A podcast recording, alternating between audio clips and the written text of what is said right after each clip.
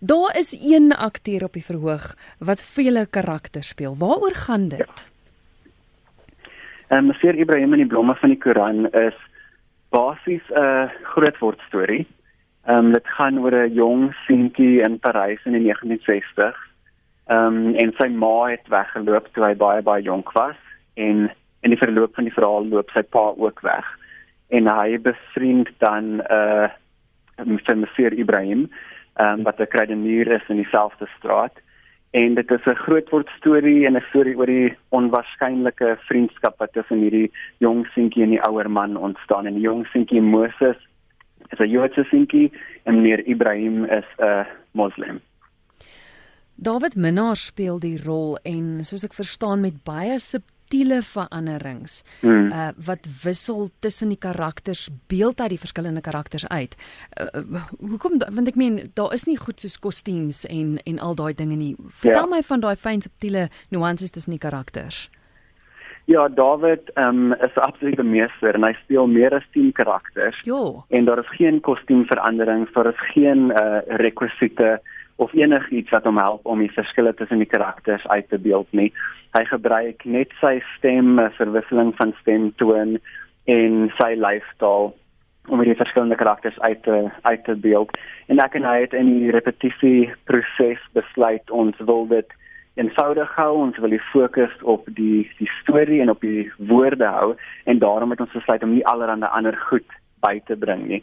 So hy het natuurlik baie werk self en op die vloer gedoen um, om elke karakter te vind en dit is um regtig wonderbaarlik om te aanskou hoe hy binne 'n oomblik 'n split sekond kan verander van een karakter na die volgende net om sy uh, gewig bietjie van een voet na 'n ander te skuif nee wat hy sy hand optel daai tipe van ding. Ja, want dit um, wissel, ekskuus, dit wissel van 'n jong seentjie tot en met straatvroue. Eh, dit is wyd. Ja, hy speel, hy speel 'n jong seentjie ons met die seentjie as hy so 11 jaar oud is, meneer Ibrahim is um, in sy 60s. Hy speel uh Moses se ma en pa ook tot straatvroue in Parys, um tot 'n uh, baie komieklike karverkoper.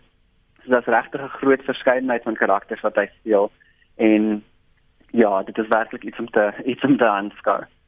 Nou in die titel uh, word daar gepraat van blomme en soos ek verstaan ja. het die verhoog ook ook blomme op. Waar kom die blomme in? Ek wil nou nie te veel sê um, oor wat die blomme in die in die stuk verteenwoordig nie, maar dit is iets wat mens maar self moet uitvind nader aan die einde aan die einde van die stuk. Ehm um, maar ek het toe besluit om blomme as 'n ontwerp uh, motief te gebruik vir die stuk en daar is 'n klomp uh papierblomme wat oor die wat oor die uh, verhoog uh, gestrooi is en hy gebruik dan ook sommige van sommige van hierdie blomme. Nee, en hulle vir teenwoordig dan belangrike um uh tye in die in die seun se lewe. Ek hou daarvan as regisseurs die gehore nuuskierig maak. ja, mense moet self kom kyk. ja. Philip, jy tree nou op by Atterbury Theater. Uh, wat is die datums en die tye? Ons het net twee vertonings daar, so dit is hierdie Saterdag die 21ste April, um, 8:00 die aand en dan Sondag die 22ste April, uh, 5:00 die middag. Vertel my gou van die teks want dit is 'n vertaalde werk. Ja. Wie het dit geskryf? Dit is dit is vertaal uit Frans.